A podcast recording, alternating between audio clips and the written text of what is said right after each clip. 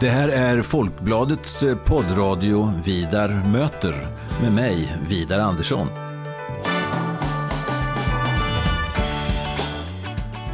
Jag är eh, chefredaktör på Folkbladet och jag är också ansvarig för Folkbladets ledarsida som eh, skrivs utifrån en oberoende socialdemokratisk hållning. Så i den här poddradion kommer jag att möta politiska personer av olika slag och vi ska ha ganska så korta och hoppas jag rappa samtal om stora och små samhällsfrågor. Varmt välkommen till Vidar möter.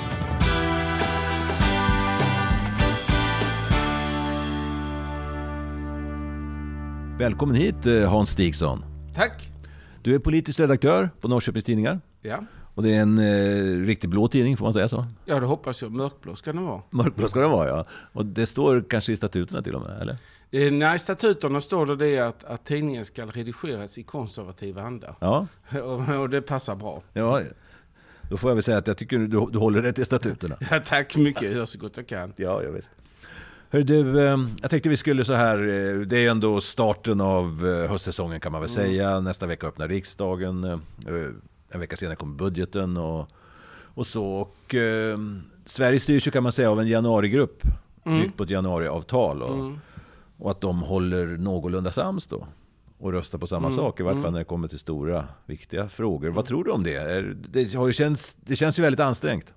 Ja, det gör det minst sagt. va. Egentligen borde det ju spricka vid det här laget. Det, dels så är det ju... Jag förstår inte om man ska komma överens eh, med invandringen. Framförallt är det nog den stora frågan mellan Socialdemokrater och Miljöpartiet. Därför att där måste man ju komma överens i januari, är det väl? Januari, februari. Eh, om man ska ha en förlängning eller man ska ha ett nytt avtal, man ska ändra lagen, hur man ska göra. Va?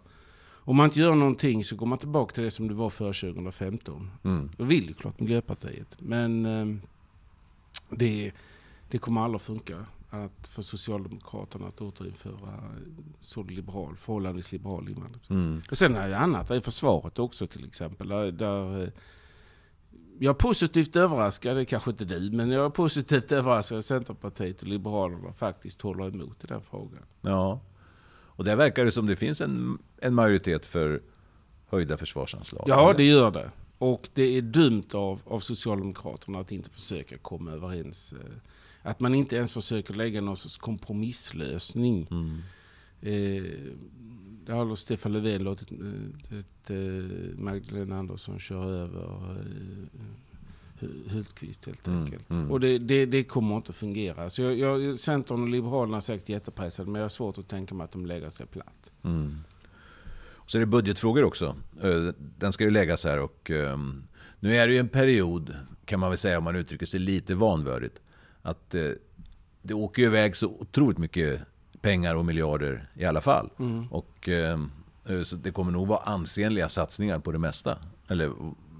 Ja, det gör det. Men det, det är klart att nu så, så är det ju detta att, att eh, i coronatider och det då det måste vara väldigt stora satsningar just av den saken helt enkelt. Mm. Samtidigt som det då börjat bygga upp underskott, alltså långsiktiga underskott igen helt enkelt. Va? Så att jag, jag, jag jag, jag, jag, jag, fy fasen att sitta och budgetförhandla i det här läget. Va? Ja. Så jättebesvärligt helt enkelt för Socialdemokraterna Mm. skulle jag säga. Men tror du, jag menar, det är, det är nu eh, två år kvar till nästa val, ordinarie val. Eh, tror du det blir några extra val? Eller, jag menar, det, tiden, Eh. tiden börjar krympa? Eller? Ja, alltså saken är väl den att jag tror att Centern och Liberalerna när det gäller försvaret, de skulle kunna lägga den vid sidan om. Och de, de säger helt enkelt att det här får, regeringen anpassa sig efter. Och sen så, så lägger vi, eh, går vi via riksdagen och då blir det en höjning där. Men det gäller bara det, ingenting annat. Eh, däremot, jag skulle inte bli förvånad om Miljöpartiet lämnar eh, regeringen om man inte kommer överens om invandringen. Och då är det frågan, finns januariöverenskommelsen kvar då överhuvudtaget? Mm. Eller ska man bara låtsas som det regnar? Men du har ju rätt i detta att ju längre tiden går desto svårare blir det. Mm. Eftersom vi har fasta mandatperioder. Mm. Och statsvetarna är väl inte helt överens, men ändå jag har satt mig in i den här frågan. Säg att eh, Miljöpartiet lämnar eh, regeringen. Då är det ju att betrakta som en ny regering. I och med att Ja. den regering som valdes, så här var ju talmannen väldigt noga, så att, säga, att det är en Mm. regering som består av socialdemokrater och miljöpartister. Mm. Och när det då ändras måste man då genomföra en statsministeromröstning. Det finns inget som säger att man måste det. Och det finns inga exempel heller. Så det kan ju vara så att eh, det inte behöver betyda en regeringskris om Miljöpartiet lämnar. Ja, fast jag tror att det har skett en praxisförskjutning. Alltså, så där har det, det varit otydligt alltid. Mm. Alltså, vi, vi, mest klassiska exemplet är väl när Palme satt kvar eh, 73. Trots att det var helt jämnt alltså. Det gick inte i praktiken att avsätta honom. Även om man skulle, I de flesta andra länder skulle säga att det där var författningsvidrigt. Va? Men i Sverige gick det tydligen. Ja, men det är inte författningsvidrigt. Nej, nej, ja, nej, nej, nej, jo, men, men det, det, det är liksom detta som vi uppfattar att sådana länder som gör på det här viset. Va? de fifflar på marginalen, så är vi liksom. Va? Man, man, man utnyttjar inte, man, man tar liksom, det finns ett kryphål, va? då kan man använda detta. Det, det är liksom inte sånt som goda demokratier gör, men i Sverige inbillar sig att, att vi var goda demokratier. Men sen har man ju sagt att vi borde ändra på det här. Så att, och det har skett en förändring. Nu, nu har vi obligatoriska statsministeromröstningar. Va? Vi har en, också en annan parlamentarisk situation. Det finns inte ett parti som på samma sätt kan sitta kvar. Jag, jag tror att om, om Löfven sitter kvar så att ja, det är som vanligt va. Det, ja, det, det, så skicklig är han inte så han reder ut det där riktigt utan att få kritik. Så jag tror att det kommer att framstå som väldigt maktfullkomligt också. Mm. Jag tror det kan bli väldigt besvärligt. Mm. Uh, nu har ju Centerpartiets ledare då, Annie Lööf, mm. uh, återinträtt på scenen. Och Eh, hon höll sitt sommartal här för någon vecka sedan.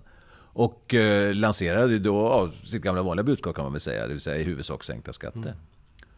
Och eh, nu såg jag Stefan Löfven i Expressen tror jag, som signalerar för att det kommer vara en hel del sänkta skatter i budgeten tydligen.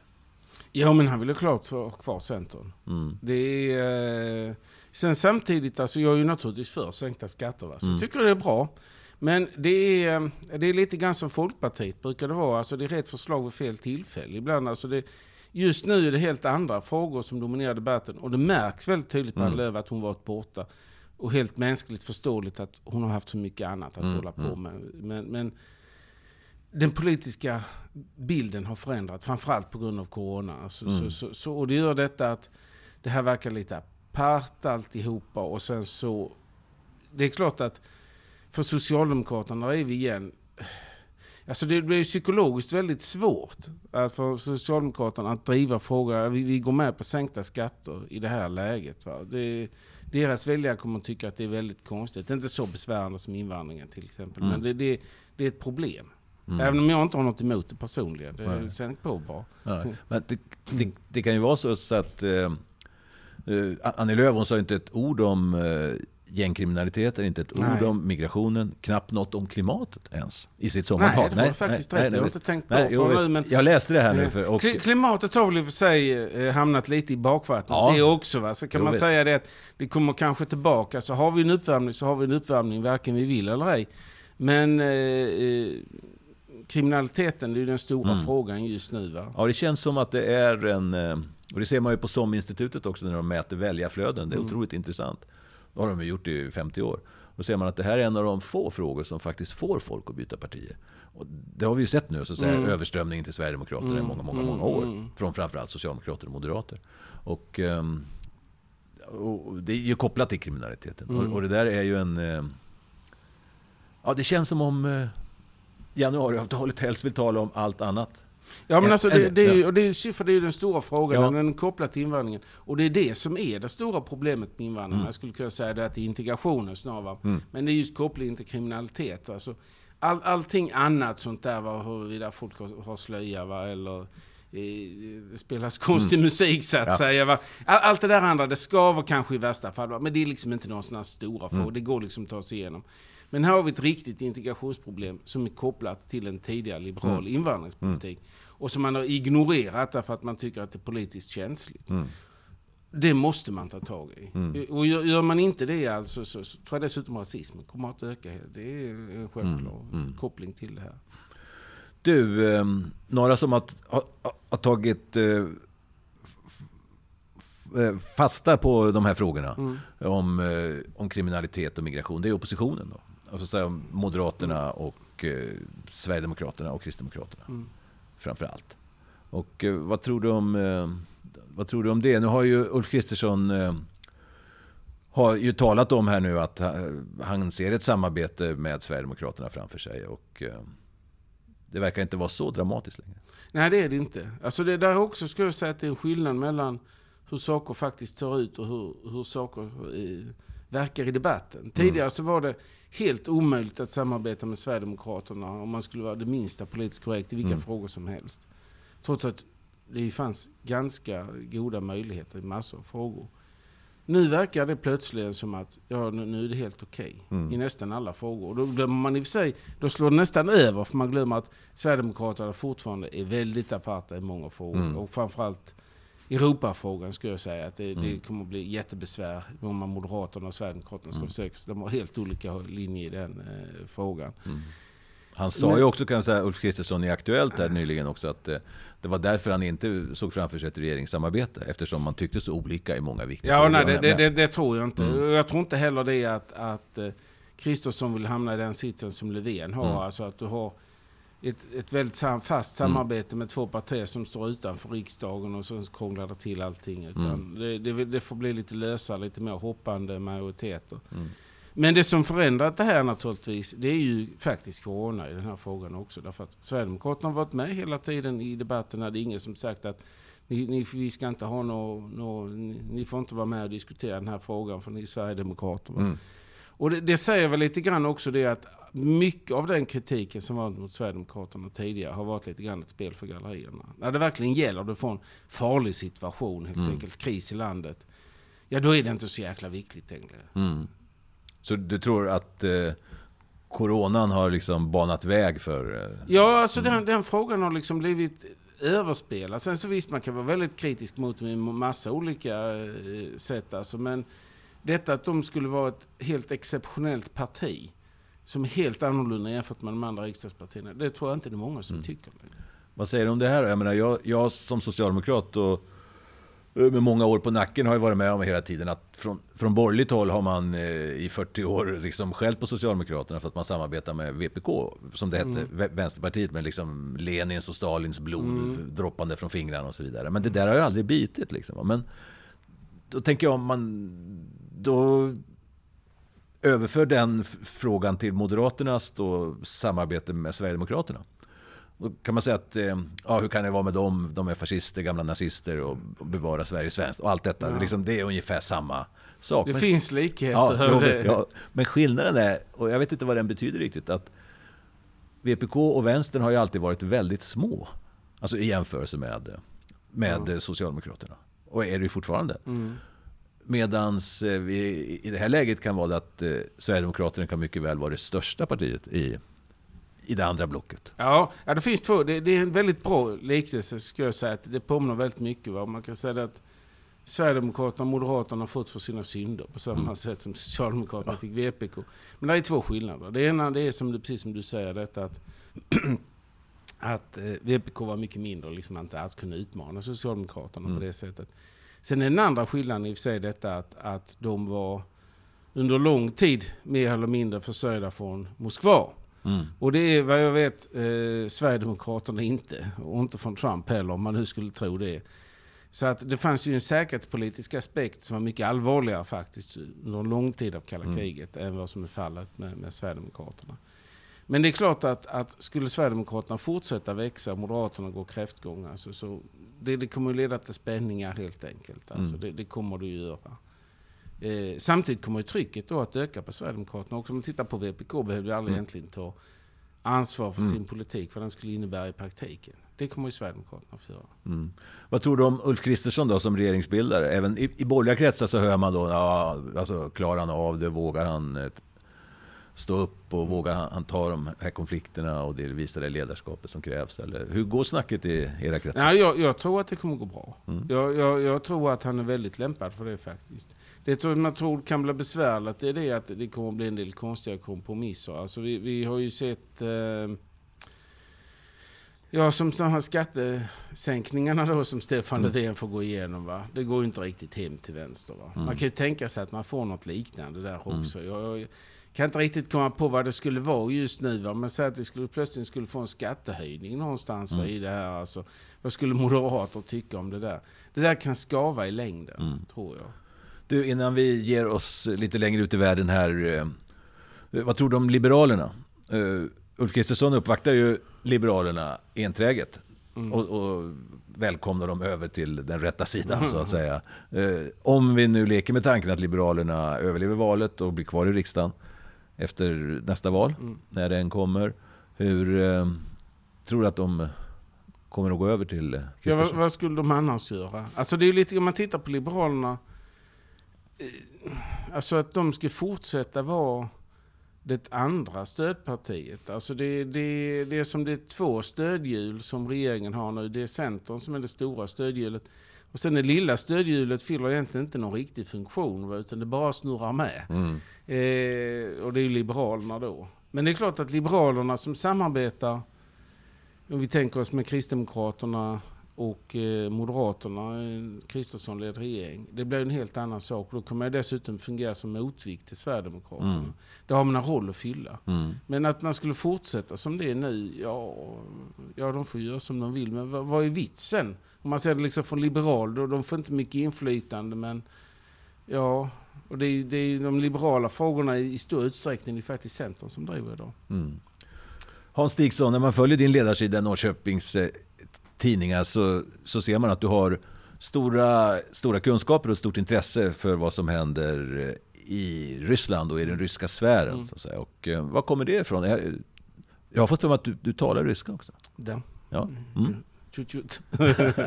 Lite grann betyder detta. ja okej. Eh, Är det från det militära eller? Nej, det är det faktiskt inte. Nej. Eh, Det började helt enkelt så att jag som student träffade eh, oppositionella som fortsätter hålla kontakt, men delvis också från Estland. Mm. Och detta var alltså före Berlinmurens fall, alltså Mm. eh, under perestrojkan. Och sen fick jag möjlighet att följa med helt enkelt till Sovjetunionen, Mm. som det då var med Estland eh, framförallt. Och följde eh, sjungande revolutionen. Mm. Och sen så har jag studerat, läste ryska då eh, i Sankt Petersburg på Mm. 90-talet. Jag blev väldigt, när jag kom till, jag hade besökt Ryssland tidigare, blivit förälskad Mm. i det landet. Jag läste på Smolninstitutet, det var för övrigt där Lenin höll till under eh, oktoberkuppen. Så, Ja. så, så kan det gå till. Ja. eh, men sen har det hållit i sig. Mm. Och sen har jag också haft giftermål Ja. med, från, på det hållet Mm. i Östeuropa. Så att det är, eh, ja, det, det är väl mitt öde helt enkelt. Ja, ja. Nej, men det är väldigt intressant tycker jag. jag menar, du, du, har ju, du har ju stora kunskaper även på detaljnivå. Ja, det hoppas jag. Ja, ja visst. Men eh, vad händer i Ryssland nu lite kort då? Belarus, Mm. jag menar, som ju- när man tittar på kartan, man slås ju, det är ju det är ett grannland, det är ju väldigt nära oss. Ja, ja visst, Är, visst är det det. Jag hoppas ju naturligtvis att det går bra. Mm. Jag hoppas att, att eh, Lukasjenko faller. Jag hoppas att, att eh, man får demokrati. Jag hoppas att det inte blir ett blodbad. Men jag måste tyvärr säga det att jag är lite orolig. Det finns två saker. Det- ena det är det att för Belarus räkning så är Lukasjenko paradoxalt nog det mindre problemet. Det är det kortsiktiga problemet. Det långsiktiga problemet är det att man i praktiken skulle bli en del av Ryssland. Mm. Lukasjenko har ju paradoxalt nog alltså varit en garant för självständigheten. Det är han inte längre. Nu, nu så vill han rädda sitt eget skinn Mm. först och främst. Eh, men det är klart att, att Putin vill gärna ha någon som är eh, pålitlig. Mm. Och det är klart att han försvagar Lukasjenko kan vara det, men det kan ju också vara någon annan. Mm. Eh, sen, sen så är det ju naturligtvis det att... eh, Alltså enkelt uttryckt, och det låter lite brutalt, så, så har jag ibland en känsla av att den inte är tillräckligt militant, Mm. revolutionen i Belarus. Alltså, Mm. Jag jämför med, med Ukraina. Va? Så, Mm. så det var ju naturligtvis att, att eh, förr eller senare så kommer man helt enkelt till, en- till en situation där man, om man ska kunna driva det här vidare, måste ta det ett steg till. Mm. Och man har inte försökt storma några tv-hus Mm. eller någonting sånt där till exempel för att få sitt besök. Sant, visserligen då det är så här många, ja men det är precis det regimen vill, då har man en Mm. ursäkt va. Ja men det är också så regimen säger. Man säger att det ska vara så för att därmed hålla nere det helt mm. enkelt. Mm. Man hade lite grann samma debatt i Ukraina va? och det, det måste ukrainarna inte om. Mm. Men det är skillnaden att ukrainarna på gott och ont är mycket, mycket mer nationalistiska eh, mm. än vad man är i Belarus. Och har ju för sig ett mer känslig relation till Ryssland som så mm. också. Va? Det, ver det, verkar ju så när man ser på tv-bilder och hör intervjuer och sånt där av mig som inte är så särskilt insatt i det. Att det verkar mer västerländskt på något sätt? Ja. På, på gatorna och befolkningen och hur man uttrycker sig, hur man är. Är det så? Alltså det verkar ja, mer... alltså det, så, så är det ju nog. Alltså mm. man, man är rätt så, man, man vänder sig nog rätt mycket till baltiska staterna och mm. de lyckades bryta sig mm. loss. Alltså. Eh, och det, det är ett modernt land ja, alltså, på, ja. på, eh, på väldigt många sätt. Men paradoxalt nog också ganska, eller har varit ganska sovjetiskt kan mm. man säga. Alltså, Eh, ibland brukar jag säga att Belarus är så bra som Sovjetunionen aldrig blev. Ja, okay. det är, mm. Men det har liksom varit detta att man har inte riktigt heller kunnat eh, ta in den pluralism liksom, som funnits i, i eh, andra delar. Det, det, är också det att man till exempel går i, i Minsk, alltså, som naturligtvis blev väldigt förstört under kriget, mm. alltså, så är det ju det att, att det är en ganska eh, sovjetiskt uppbyggd stad. Ja. Men samtidigt otroligt ren och välpolerad. Jag har aldrig varit i en sån stad som är liksom så eh, välskött kan man säga. Va? Så att, och det brukar man ibland säga också liksom i Östeuropa, detta att, att belarusierna de, de är eh, väluppfostrade men lite tråkiga. Ja, ja. och det är ungefär så det är. Låter som Sverige där alltså. Ja. ja, jo men alltså detta Lukasjenko har ju sagt detta att, att Sverige borde egentligen vara en förebild. Nu säger Lukasjenko lite allt möjligt, ja, ja, det ska man komma ihåg. Va? Men, men alltså det, det ligger lite grann i det. Det mm. ligger lite i det alltså. Du Hans Stigson, apropå personer som säger lite allt möjligt. Det är ju val i USA snart här. Mm. Och den sittande presidenten har ju en vana att säga lite allt möjligt, ja. eller? Ja, det får ja. man väl säga. Ja. Och ehm, ja, hur kommer det att gå det här nu då? Jag tror att Biden vinner, men jag har haft fel för. Jag är inte så bra på USA Nej. som Ryssland. Nej. Och eh, det, det är, eh, jag hade fel förra gången. Jag var ja. helt säker på att hur den skulle gå så kommer de alla välja Trump. Mm. Det, det ju helt snett uppenbarligen. Det trodde vi väl de allra flesta. Utom de som vände sig till spelbolagen och såg oddsen. Ja, det ska man ja, göra. Va? Ja, ja. Tittar man på det. Vad som talar för Biden är ju detta att om man tittar på så det redovisas lite fel i Sverige egentligen. För att man tittar på, på hela befolkningen. Mm. Man ska egentligen titta på hur det ser ut i de enskilda delstaterna. Mm. För det är ju så att den som vinner delstaten får i regel alla elektorerna mm. i delstaten också. Och det är ju bra mycket större ledning för Biden. Mm. Vad som talar för Trump Ja, det är de här demonstrationerna pågår mm, alltså mm. nu. Och Black Lives Matter som är en oerhört idealiserad organisation skulle jag vilja säga i Sverige. Och också om man mm. tittar på skillnaden, apropå vi pratar om Belarus alltså. Mm. Där kan man skillnaden mellan välordnade och disciplinerade, mm. civiliserade demonstrationer och mm. i USA där det hela tiden spårar ur. Mm. Alltså. Man kan tycka vad som helst som amerikansk polis men den är tusen inte en tiondel så brutal som belarusisk. Så att Black Lives Matter är alltså Bidens största problem. Och det märks på honom också att han liksom försöker undvika det, helst prata om någonting annat egentligen. Mm. Och eh, vi har faktiskt pratat färdigt.